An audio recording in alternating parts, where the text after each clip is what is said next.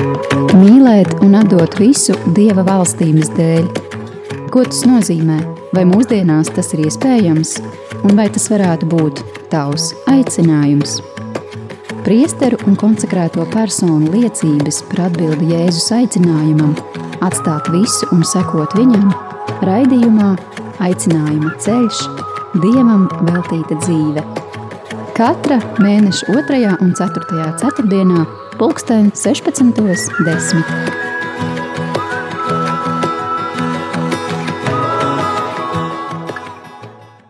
Esiet sveicināti, darbie rādījumi, arī klausītāji. Ar jums studijā Asana un Māsa Gunta. Mūsu raidījuma šīs dienas viesis - Betānijas Dominikāņu māsa Diana Cērmane. Kristības sakramentu saņēma bērnībā arī pirmo svēto komuniju un iestiprināšanu, taču apzināti kristīgo ticību sāka praktizēt studiju gados. 31 gadu vecumā iestājās klosterī, bet mūža solījumi tika salikti 2011. gadā. Māsas izglītības pamatā pedagoģija, šobrīd arī dejas un kustību terapeite, strādā ar bērniem Rīgas katoļu ģimnāzijā jau vairākus gadus organizē vasaras katehēzes nedēļu bērniem Kanela un vada dejas meditācijas retrītus, lūkšanu grupas, kā arī kopš 2019. gada pasniedz dejas meditāciju kā metode darbā ar pieaugušajiem. Māsa par šīm un citām savām aktivitātēm stāsta gan Facebook, gan Instagram, kā arī personīgajā blogā piedāvām arī vācu valodā. Bloks Sister Live Latvija izveidots nu pat, un tā mērķa auditorija ir ordeņa māsas un brāļi, kā arī draugi ārzemēs. Bloks dos iespēju uzzināt arī par māsas Dienas ikdienu Latvijā. Ar šī gada 1. māju Betānijas Dominikāņu māsu kongregācija ir pieņēmusi lēmumu aiziet no Latvijas, atstājot vienu kongregācijas pārstāvi Latvijā. Māsu Diana. No sirds priecājamies tevi redzēt kopā ar mums. Paldies, un patiešām esmu ļoti pateicīga par šo ielūgumu būt raidījumā. Gatavojoties šim redzējumam, iepazināmies ar dažādu informāciju internetā par tevi. Es uzsveru, ka es tiešām skatījos tikai informāciju internetā, neskatījos nekādās preses izdevumos. Man radās iespējas, ka tu esi visvairāk intervētā klostermās Latvijā.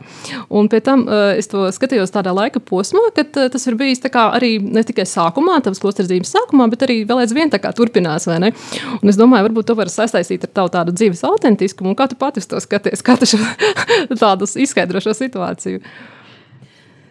Um, man grūti pateikt uh, vai komentēt um, citu cilvēku izvēles, kāpēc viņi uh, aicina mani par kaut ko runāt. Um, varbūt tas uh, atvieglojošais, kas ir uh, mūsu kongregācijā, ir uh, tas, ka um, es esmu cilvēks, kuram jau no uh, no paša sākuma tika uzticēts uh, būt uh, teiksim, runas personai, ja, un man nav katru reizi jāsaskaņo visi savi izteikumi ar vadību. Uh, es, protams, esmu milzīgi pateicīga savai vadībai Vācijā uh, par viņu uzticēšanos, jo, jāsaka, viņi arī nesaprot, ko es sarunāju vai sastāstu, un nevienmēr arī uh, iznāk, teiksim, visu, ja tas ir rakstīts teksts, ja tas ir raksts žurnālā, nevienmēr arī iznāk visu šo tekstu pārtulkot un viņiem aizsūtīt. Es pieļauju, ka tā ir mūsu kongregācijas lielā uzticēšanās un lielā atvērtība, jo mēs piedaram Dominikāņu ordenim, mēs piedaram sludinātāju ordenim un, un man liekas, māsas to ļoti respektē un izmanto arī katru doto iespēju. Un droši vien tāpēc šīs informācijas varbūt ir mazliet vairāk. Vai nesat noguris no tādām intervijām? Kā tas ir? Vai jūtaties brīvi? Kā jūs jūtaties?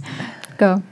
Tik bieži jau tās intervijas nu, nav. Nu, tas, nu, tik bieži, varbūt, ja meklē informāciju, un tad parādās tās atsaucītas, ja, tad liekas, ka bieži, bet tā nebūtu nav.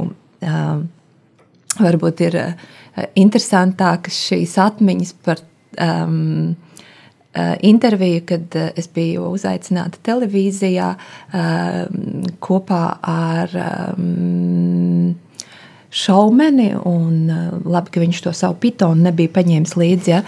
Um, bija tāds šaumenis, viņš uzstājās ar savu pitonu vienmēr kopā. Ja? Un es ar tādām šausmām gaidīju, ka viņš varbūt būs ieradies ar visu savu pitonu, bet, bet uh, pitonu viņš tomēr bija mājās atstājis. Tas pitons dzīvojot vannas istabā viņam. Es nezinu, kā viņiem šobrīd iet, mm. bet mums iznāca ārkārtīgi interesanta un cieņpilna saruna. Varbūt arī tas iemesls ir tas, ka man vienkārši interesē jebkurš cilvēks. Um, Un arī taisa gadījumos, ja es mazliet baidos no tās sarunas, ja, jo es nu, nezinu, kā viņi izvērtīsies, laikam mana interese par cilvēkiem ir lielāka par manām bailēm. Tāpēc es, es, izēju, mm -hmm. es izēju šo satikšanos, um, un vienmēr pirms tam lūdzu, lai Dievs ļauj man tā izturēties un tā runāt, kā tas otrs cilvēks varētu tikt nu, kaut kādā mazā, mazā, mazā niecīgā veidā uzrunāts no Dieva. Ehm, tas ir iemesls, jā, kāpēc es tiekos ar cilvēkiem. Mm -hmm. un, ehm, jā, es, protams, mazliet skatos, kas tā ir par presi vai kas tā ir par televīziju, kas man aicina. Ehm, bet nu, arī jā, tā ir tomēr liela vara, tā ir ceturtā vara un var ļoti. Nu, izturēties arī ļoti manipulatīvi ar šādu tipu informāciju. Bet eh, man pieredze ir ļoti laba būtībā. Es esmu ļoti mhm. pateicīga visiem saviem eh, intervētājiem un žurnāliem, kas ir parādījuši interesi. Un, eh, un tā arī man ir bijusi ļoti interesanta pieredze. Paldies! Māsa Diana, parunāsim par aicinājumu. Kā tad tas viss eh, sākās jūsu dzīvē? Nedaudz varbūt pastāsti par savu bērnību, eh, jaunības gadiem, kādi notikumi veda uz ehm, šo izvēli sevi veltīt Dievam? Um, es esmu uzaugusi padomju gados. Um, Un eh, pēdējos, pēdējā laikā, kad es runāju ar cilvēkiem vai klausos dažādus komentārus, es domāju, ka es drīz būšu ne tikai sena, es drīz būšu arī senīla. ja? jo, jo, kad parādās Facebookā kaut kādas fotogrāfijas, ja? nu, vai tu atceries tur, uh, to, kas spēlē salks, vai, vai, vai, vai tu atceries, ka bija tāda produkta veikalā, tad es domāju, jā, es atceros, ja? tad ar apakšā ir tas komentārs, nu, Jā, tad, tad tev ir es, apmēram tik un tik gadi. tad, es saprotu, jā. tad es saprotu, kādai paudzei es piedaru. Tas ir tas ir ļoti, eh, ļoti aizraujoši vērot paš, sevi pašu, kā tu, kā tu ej cauri gadiem. Un, eh, Būtībā, man liekas, eh, mana paudze ir piedzīvojusi tik milzīgas izmaiņas pasaulē, um, ka jā, es pat reizēm to vēroju ar izbrīnu. Jā, un, um, jā, Tātad es esmu piedzimusi laikā, kad mēs bijām Padomju Savienības sastāvdaļā. Un, um, esmu dzimusi Rīgā, bet mani vecvecāki nāk no Kurzemes, no Suitu novada. Suitu novads ir pazīstams ar to, ka tā ir tāda um, stingra katoļu saliņa uh, evaņģēliskās vides uh, ielokā. Un uh, mani vecvecāki uh, vārdā Jāzeps un Marija. Cik skaisti. Tiešām. um, bija stingri uh, katoļi, abi bija zemnieki. Un tā kā manā mamīte mani uh, audzināja vienu, tad vasarās viņi vienmēr man sūtīja uz laukiem. Jo takš bērnam ir jādabū svaigs gaiss un takš normāli jāpēd. Ja? Un, un kā visi vecvecāki man ieraugot, uh, Jāzeps un Marija teica, ka šis bērns nu ir galīgi novājējis, un viņam nav ne vaigu, ne miesas, nekā. Mēģināja man visādi barot ar pienu un um, maizi, lauku labumiem. Un lauku labumiem un, Omīte cep fantastiskas tortes, jā, tādas nu, no īstā krēma un, mm. un, un to, to visu, teiksim, tā, es dabūju tādu pēc pilnas programmas, jo mūsu lauku mājas atradās blakus kapiem. Un, jūs saprotat, ka nu, latvieši ir pazīstami ar savu kapu kultūru. Tas nozīmē, ka tikko bija kaut kādi kapu apmeklētāji, vai, protams, arī kapu svētki, ja, tad Omīte cepa milzīgas tortes, jo bija jācienā visi. Ja, un man, protams, arī tās tortes vajadzēja ēst. Tā kā es vasarās pavadīju, vasaras pavadīju laukos, un līdz ar to arī mēs devāmies svētdienu rītos, devāmies kājām, lielākoties kājām uz baznīcu. Un es piedalījos arī procesijās, un visās pārējās norisēs, kas nu tur bija. Bet tā kā mani vecvecāki bija zemnieki, viņi daudz neaizrāvās ar paskaidrojumiem, kas tur notiek. Jā? Un tajā laikā tas vispār nebija populāri. Bērns ir, viņš sēž un viņš vēro. Mācīs darot. Jā, Jā, bet bērns kaut kā iemācījās uh, vērot, un ar to viņam bija interesanti. Mm. Un es neatceros, ka man tajā baznīcā būtu bijis kaut kā dikti garlaicīgi. Ja? Uh, varbūt no savas mammas, tādas, tādas mākslinieckās vērīguma. Es, es varbūt esmu to mantojusi, bet man vienmēr bija interesanti baznīcā. Varbūt tāpēc, ka tur skaisti dziedāja, varbūt tāpēc, ka tur bija tās sērģelītes, ko min ar kājām un vienlaicīgi spēlē. Un es vienmēr skatījos, kā fascinēta, kā tur tas notiek. Jebkurā gadījumā savu pirmo reliģisko izglītību vai ieskatu reliģiskajā dzīvē es esmu saņēmusi suitos. Man nokristīja mājās, kad man bija, es biju gadu veca. Un tad, kad man nokristīja, tad mana veca vecmāmiņa aizgāja mūžībā. Un tagad, skatoties no šī brīža, man liekas, viņa sagaidīja Viņa vienkārši sagaidīja. Viņa bija tāda suitene, kas nesāja trīs brunčus, jā, tāda mm -hmm. riktīga suitene. Jā. Viņa sagaidīja, kamēr tas bērns tiek pievests nu, pie kārtības, un tad viņa teica, viņa var iet. Mana veca vecmāmiņa, bet es viņu neatceros, protams. Un tad, kad man bija kādi desmit gadi, manuprāt, tad man vecvecāki nolēma, ka taču tie pārējie sakramenti arī ir kaut kā jādabū tajā bērnā iekšā. Un tad tā ļoti akurāti un vienā rindā grēksūdzi, komuniju un tūlīt pat arī iestiprināšanu. Bet to, ja es nemaldos, tas notika Liepājas katedrālē. Un tas notika vienā vasarā? Jā. Es piedaru mm. pie tās paudzes, mm jā, kur, nu, es, no kuras es šobrīd dedzīgi cenšos eh, vecākus un bērnus atgriezt, ja, eh, lai sakramenti nebūtu kaut kāds eh, automātisks vai vēl labāk maģisks process, ko noteikti vajag saņemt, un tad mudīgi pazust no baznīcas, jo viss jau tāpat notiek. Ja. Man jāsaka, ka visticamāk viss tiešām tāpat notiek. Jo es citādāk nebūtu saņēmusi aicinājumu, mm -hmm. ja sakramenti nedarbotos savā spēkā. Ja Tā es vismaz pēcāk domāju, jo mani vecvecāki, protams, vispārējās drošības dēļ man arī neko neuzspieda. Māma strādāja valsts iestādē, un viņa daudz neko nestāstīja par Dievu, un tāpēc manas attiecības ar Dievu palika man, manas pašas ziņā. Un man liekas, ka es vienu reizi tikai savā dzīvē atceros, ka mans vectēvs, mans opis, kā es viņu saucu, viņš palika dusmīgs, jo es viņam kaut ko savā dedzībā pateicu tādu, kas aizvainoja viņa attiecības ar Dievu. Tā bija vienīgā reize, kad viņš, es viņu redzēju dusmīgu.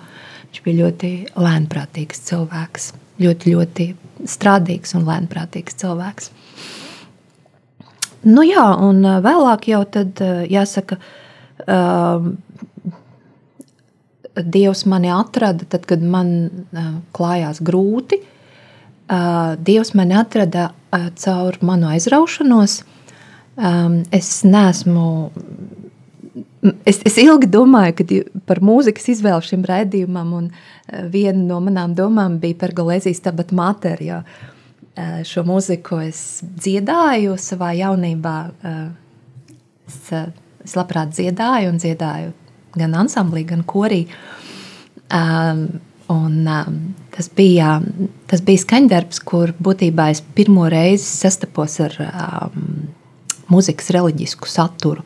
Jo mūsu vadītājs bija ārkārtīgi tāds uh, viltīgs cilvēks. viņš, viņš teica mums, skuķīši, jums taču jāsaprot, ko jūs dziedat. Un lika mums tulkot saturu. Padomju gados tas nebija vienkārši. Vārdnīcu nebija. Tas bija mm -hmm. sistēmas sastāvdaļa. Vārdnīcu kā tādu nebija. Mēs no vienas mūsu dalībnieces vecākiem dabūjām medicīnisko vārnīcu latīņu valodā. Nu, ko atļauj lietot medicīnas studentiem. Ne? Tur bija arī, protams, visādi jēdzieni, kas mums galīgi nederēja, bet kaut kā mēs cauri stabat māteri saturam tikām. Jo viņš mums lika vienkārši visu iztulkot. Viņš saka, kā jūs varat dziedāt, ja jūs nesaprotat, ko jūs dziedat. Un es domāju, ka šādas, šādas netiešas liecības ir tās visiedarbīgākās. Ja? Jo mūzika ir nu, milzīgs spēks, ir īpaši to pats izpildi. Un, un es atceros vienmēr tās sajūtas un to, to, to izbrīnu iekšējo kāda mani pārņēma, kad es dziedāju šādu satura skaņdarbus, kā, kā tas mūs piepildīja ar gaismu. Un, uh, mēs it kā jokojoties savā starpā sarunājāmies latīniski.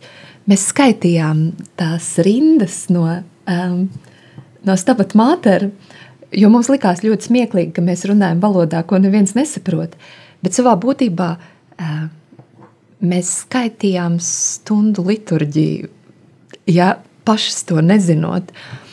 Uh, un, uh, Tāpēc es vienmēr arī tagad iedrošinu vecākus, kuri pārdomā, vai vajadzētu bērniņu mazu kristīt, ja pagaidīt, kamēr viņš pats izvēlās, kristiet bērniņu mazu. Ja, Dievs vada brīnišķi, ja, un viņš nekā neierobežo izvēles. Ja. Pēc tam cilvēks, kad ir pieaudzis, viņš tik un tā var savas izvēles izdarīt, bet tas, kā ko Dievs dāvā ar savu klātbūtni, ar savu sakramentālo klātbūtni, ir ļoti neparasti un neatkārtojami. Um, jā, un tad kādu laiku es ļoti biju ciešā saiknē ar vienu no evaņģēliskajām baznīcām. Tā ir netālu atrodošās Rīgas Lutera draudzes baznīca. Uh, Jo jā, tā vienkārši notika. Mums izveidojās cilvēcīgs kontakts ar cilvēkiem, kas kalpoja šajā draudzē. Viņi man tur uzaicināja kalpot, un es septiņus gadus vadīju Rīgas Lutera draugus jauniešus. Jauniešus vecumā no 12 līdz 18 gadiem. Tas bija tāds tīņu vecums. Un, un šī draudzene ir tāda mana sirds draudzene vēl līdz šim brīdim jo tur um, es ļoti personiski satikos ar Dievu. Gan, uh, gan pašā draudzē, gan cilvēkos, gan tajos jauniešos, kas man bija uzticēti. Un tas, es domāju, bija tas, uh, tas pavadieni un tie ceļa rādītāji, kas man palīdzēja izveidot manas personiskās attiecības ar Dievu, un kas mani veda pie aicinājuma sadzirdēšanas. Um, man kalpošana draudzē kļuva svarīgāka par visu. Es strādāju, augot darbu, bet ar katru gadu arvien vairāk es redzēju, ka es ne tikai visu brīvo laiku ziedoju draudzē, es arī visu, ko es nopelnu, ziedoju draudzē. Un, un es Dievam uzdevu jautājumu,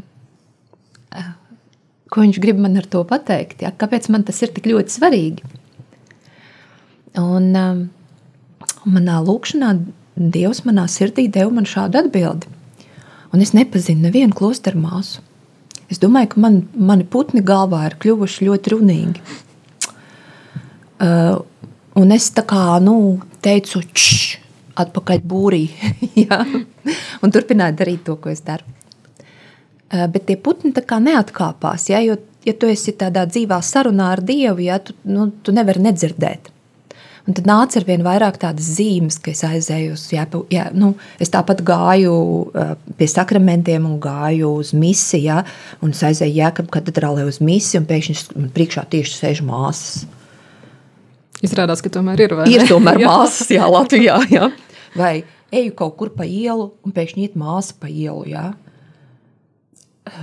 Un, nu, tad es jau biju tās, tās, tā, tā dieva, dieva saucienu tā vajāta, ka, ka es aizgāju pie priestera uh, un teicu, lai viņš man palīdz saprast, ko, ko tas nozīmē. Ja? Jo es, tā, nu, es nekādu nespēju to pieņemt, ka, ka man varētu būt tāds aicinājums. Man tas likās kaut kas ļoti tāls un neaizsniedzams un bezgalīgi skaists, bet ne man.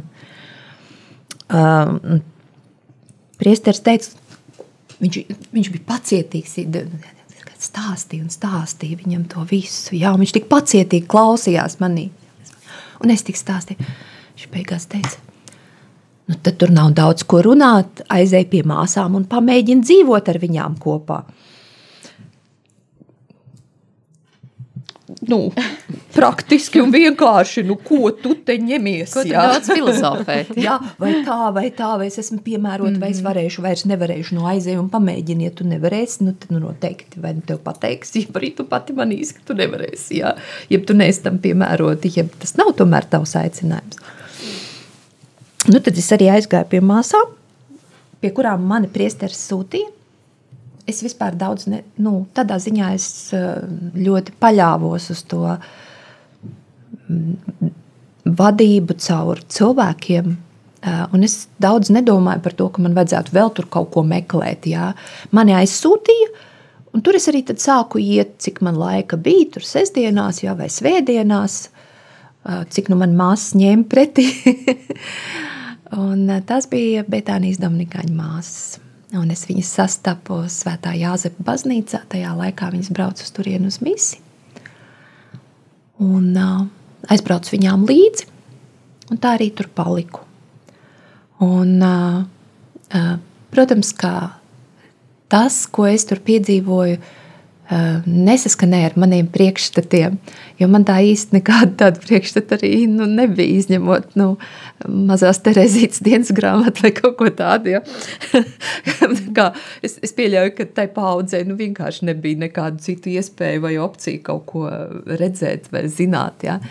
Un, un, protams, ka māsas eh, bija atbraukušas no Nīderlandes un Vācijas. Un, uh, viņu dzīvesveids bija mazliet citādāks. Uh, Bet es tur paliku un es uzmanīgi klausījos sevi un māsās. Un tāds ir rezultāts. Brīnišķīgs. Brīnišķīgs rezultāts, manuprāt. Paldies! Um, jā, Betānijas Dominikāņu māsa Diana. Ar mums šajā pēcpusdienas raidījumā aicinājuma ceļš dievam veltīta dzīve. Klausāmies māsas mūzikas izvēli.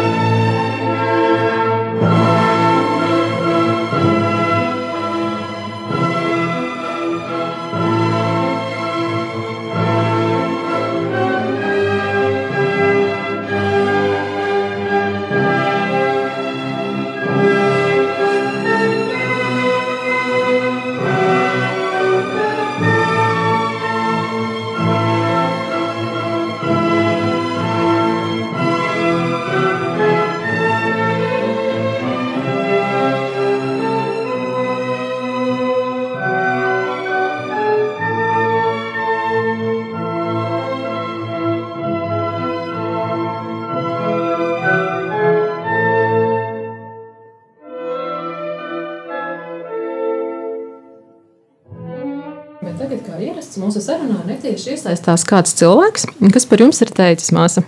Mēs ar Diānu mācījāmies skolā vienā klasē. Viņa bija ļoti apgarota jau no bērnības. Jau tad bija tā sajūta, ka Diana ir citādāka, ar, gaišu, ar citu gaišumu un cilvēku mīlestību piepildīta. Vienmēr ar viņu kopā bija arī viņas mamma, kas bija klāt visos skolas pasākumos. Dienas izvēle mani nepārsteidza, bet uh, cilvēkam jādara tas, kas viņu dara laimīgu. Mēs visi esam dažādi, un tikai patiesa izvēle, nevis blakus iemesli, cilvēkam ļauj justies laimīgam. Mīnis veicieni Dienai, esmu lepna ar Diānu. Kurš to varētu teikt? Vai ir kāda ideja? Varam pačukstēt priekšā, ka šī persona ir ļoti saistīta ar mūziku. Īpaši ar dziedāšanu. Sonāra? Jā. Strāpīts uzreiz desmitniekā. Tātad Sonāra Vaica par jums izteicās. Paldies, Sonāra! Tad jūs mācījāties kopā vidusskolu, pamatskolu? Mēs mācījāmies kopā pamatskolā, tad līdz 8. klasē manā laikā, un mēs mācījāmies Rīgas 6. mūzikas novirziena skolā. Paldies viņai! Māsa, Kā sievietes mēs esam aicinātas būt meitas, māsas, līgavas un arī mātes. Un katrā dzīves posmā noteikti liekam vairāk uzsveru uz kādu no šiem aspektiem. Tu ikdienā strādā ar bērniem, pieaugušajiem, un tāpēc pieļauju, eh, tā ir lieliska iespēja izdzīvot arī mātešķības aicinājumu. Un, eh, kas vispār veido klostermāsas identitāti, kas ir tās pamatā? Vai kā top tā identitāte, vai vispār māsai ir kas? Kā?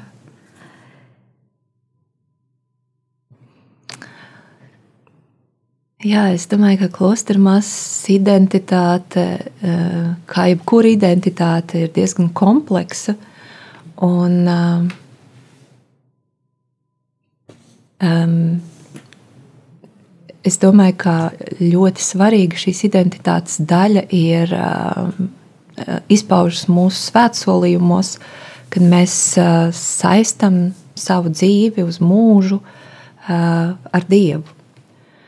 Un te nu var būt vairāk vai mazāk kičīgi priekšstati par to, kā, kā, kas tas īsti ir, vai tā ir laulība ar Dievu. Ja? Un man bieži cilvēki ir arī jautājuši, kāpēc, kāpēc man ir laulības gredzens. Ja? Un, es arī vienmēr saku, ka Es tādā mistiskā nozīmē uzskatu, ka tas ir simbols manai vienotībai ar Dievu. Un ka man ir svarīgi nesāt šo gredzenu. Jā, tas uh, man atgādina par šo vienotību ar Dievu, bet uh, arī dod uh, citiem cilvēkiem ieraudzīt to, jā, ka es esmu ar kādu saistīta. Jā, un ka šī saistība man ir ārkārtīgi svarīga. Un, es domāju, ka šī uh, identitātes daļa uh, ir viens no, es tā ceru, ka tas ir viens no uh, manas identitātes pamatakmeņiem, jā, vai manas identitātes pamatdebesīm, ja mēs tā, tā man labāk gribētos teikt.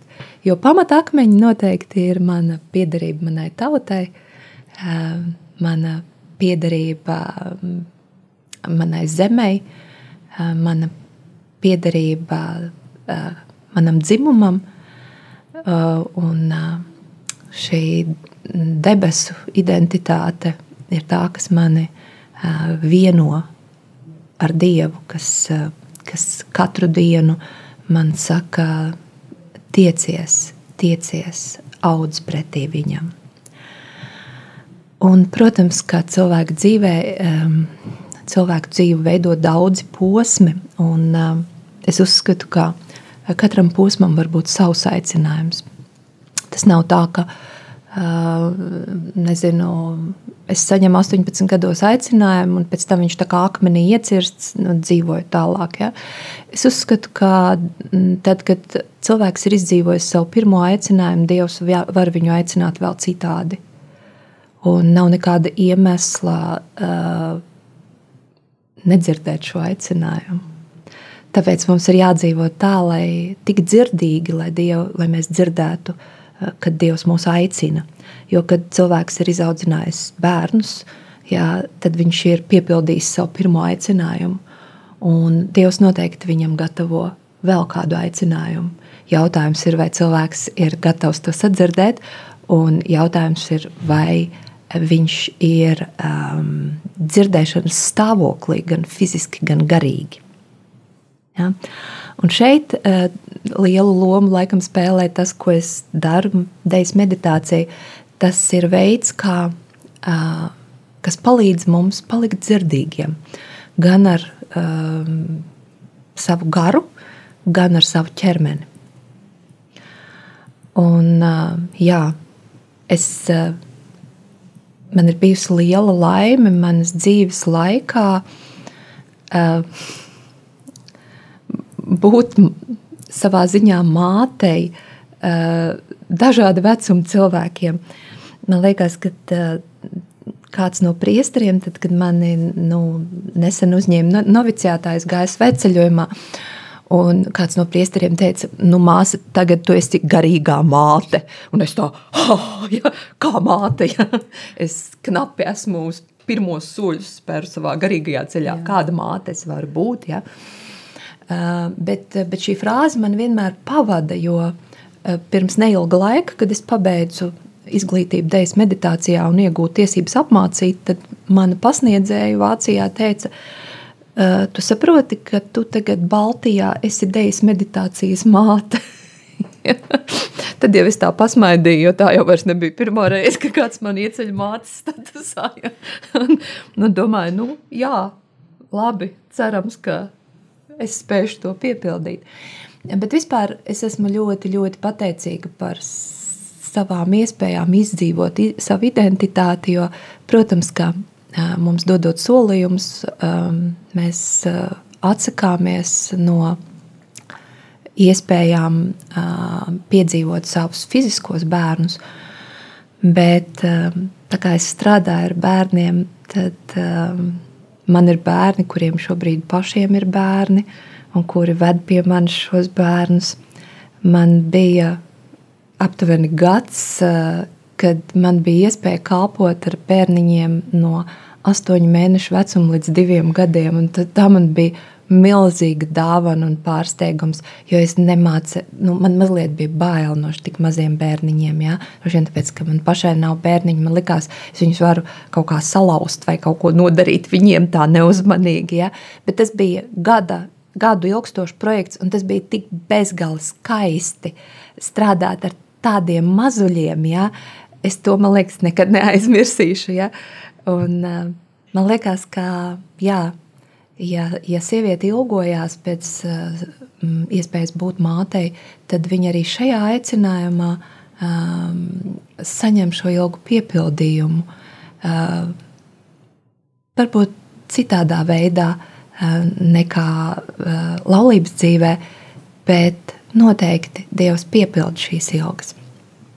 Šajā redzējumā vēl arī mēģinām rast kaut kādus stereotipus, un tur arī pieminēja dzimumu kā tavu identitātes daļu. Un tāpēc jautājums, kā tu komentētu bažas, ka klosterī sieviete zaudē kontaktu ar savu sievišķību, jo tas dzīves ritms, kuru mēs arī dzīvojam, varbūt ir diezgan ieliek rāmjos un varbūt kaut kā atgādina arī, arī armijas ritmu. Ko tu par to teiktu?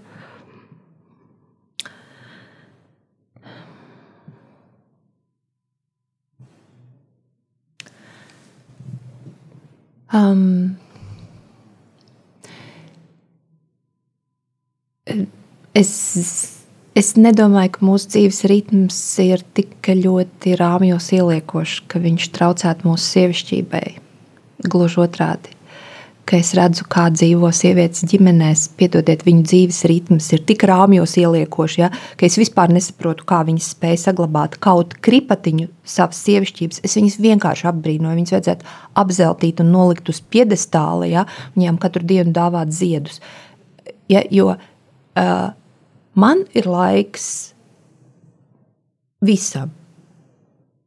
Ja, kā sievietes ar kas nāk man deju grupā ar saviem pieciem bērniņiem, tiek galā. Kā sievietes, ar kurām es strādāju, karitas centrā, kam ir bērni ar autisku spektru traucējumiem, kā viņas tiek galā un saglabā savu sievišķību.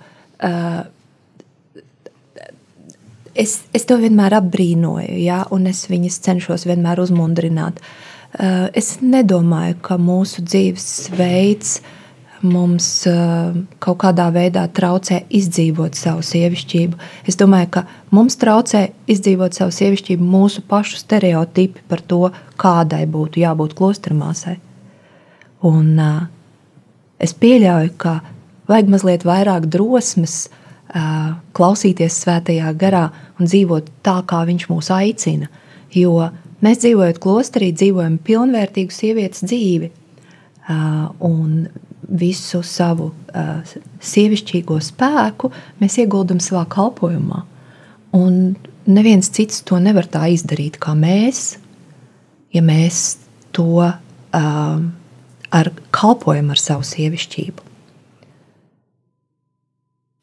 Tāpat arī es um, domāju par, nu, per, par personības saglabāšanu. Uh, nu, varētu rasties jautājums, iestājoties klostrī, vai es nezaudēšu savu personību, vai mani tur nesalauzīs. Salauzīs.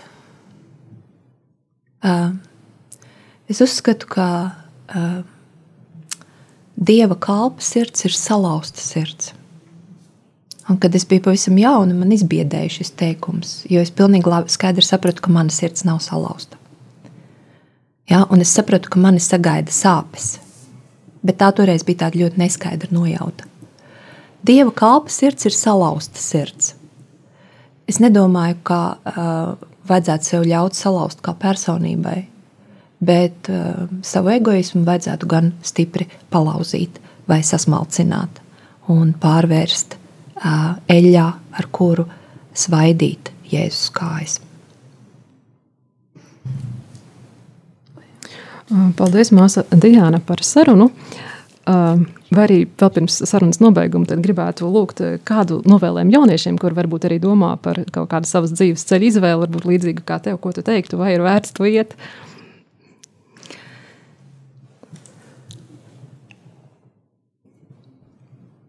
Um, šis ceļš ir uh, neaprakstāmi pārsteidzošs. Un, uh, ja jaunai sievietei vai jaunam vīrietim nav bail no pārsteigumiem un pietiek drosmes palaist vaļā kontrols grožus, tad es iesaku viņam spērt soli un vienkārši iet šo ceļu un nevis domāt par to, man iet tur, šeit, vai vēl kaut kur, vai man sākt Latvijā, vai varbūt Francijā, vai vēl kādā vietā, bet vienkārši iet kādā vietā un sākt šo ceļu iet, jo ceļš tiek noiets tad, kad viņš tiek iets, uh, un šis ceļš ir uh, vērtīgs ceļš, tas atstāja pēdas, tas dod ļoti daudz iespējas kaut ko mainīt pasaulē uz labu, un tas ir ļoti pārsteidzošs ceļš. Ja jums nav bail no pārsteigumiem, mīļi aicināti. Brīnišķīgi! Man ir ļoti uzrunājusi šī atziņa. Māsa, dieva kalpa sirds ir salauzta sirds un savu egoismu vajag sas, samalt un kā eļļus lacīt uz Jēzus kājām. Paldies, dārgā māsa Diana, eh, kad veltīja mums eh, laiku šai sarunai un vēlam tev izturību eh, un Dieva svētību visos kalpojumos, arī visās arī pārmaiņās, kas notiek varbūt. Un paldies arī tev, dārgais rādījuma arī Latvijas klausītāji, ka bija kopā ar mums. Raidījumu veidoja Māsa Anna un Māsa Gunta. Lai mums visiem svētīgs šis ceturtdienas vakars uz tikšanos aprīlī. Izskanēja raidījums Aicinājuma ceļš, Dievam veltīta dzīve.